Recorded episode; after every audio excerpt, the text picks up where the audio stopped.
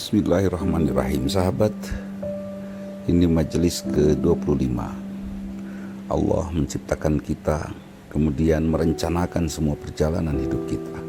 Allah berikan kepada kita modal.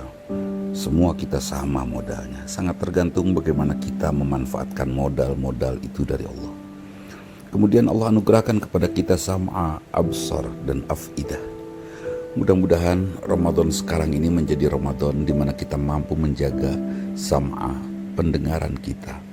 Jangan sampai pendengaran kita mempengaruhi perasaan kita, mempengaruhi hati kita sampai hati kita tidak sehat. Ingat kita pulang kepada Allah harus dalam keadaan hati yang sehat. Jangan jangan sampai kita biarkan sesuatu yang kita dengar membuat hati kita menjadi tidak sehat. Kemudian kita manfaatkan juga mata di bulan Ramadan ini. Jangan sampai mata kita menjadi mata yang tidak sehat, mata yang di dalamnya ada penyakit yang membuat hati kita tidak sehat. Kita melihat sesuatu yang tidak pantas untuk kita lihat. Kita melihat sesuatu yang tidak berhak untuk kita lihat, atau kita melihat sesuatu yang sama sekali tidak bermanfaat. Jadilah Muslim yang ida sakata fakaro apabila dia diam dia berfikir wa ida natoko dzakaro apabila dia berbicara dia selalu saling mengingatkan saling memberikan nasihat saling memberikan keluasan ilmu.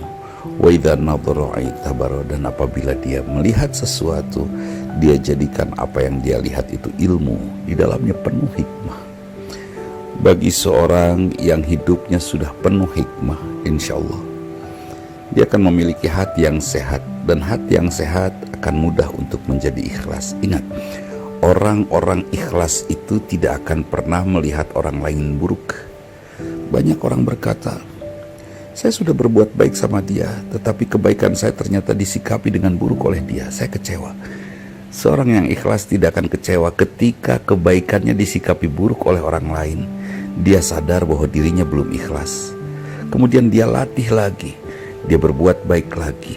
Kemudian dia tahu ada orang memperlakukan buruk atas kebaikannya. Dia masih berkata, kalau begitu saya belum ikhlas.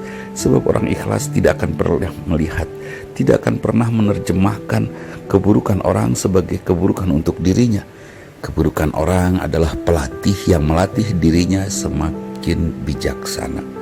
Seorang yang ikhlas ketika dia berbuat baik, kemudian mendapatkan perlakuan buruk dari orang lain, dan orang berkomentar, "Itu orang berbuat buruk atas kebaikan kamu." Dia akan menjawab, "Bukan, orang itu sedang melihat keikhlasan saya, dan saya tahu bahwa saya ikhlas. Insya Allah, keburukan orang selalu menjadi alat ukur keikhlasan kita. Itu orang yang memiliki hati yang sehat." Mudah-mudahan Ramadan sekarang menjadi Ramadan yang menyehatkan jiwa kita, sehingga kedua orang tua kita tidak sia-sia mengandung menyusui, melahirkan, mendidik, menuntun kita sampai kita dewasa. Jadilah seorang yang memberikan keberuntungan kepada diri dan kedua orang tua kita sampai pada saatnya nanti kita dan kedua orang tua kita betul-betul hadir di hadapan Allah Subhanahu wa taala dalam keadaan dicintai oleh Allah dan kita merindukan Allah. Itu saja majelis ke-25 Dudi Mutakin. Assalamualaikum warahmatullahi wabarakatuh.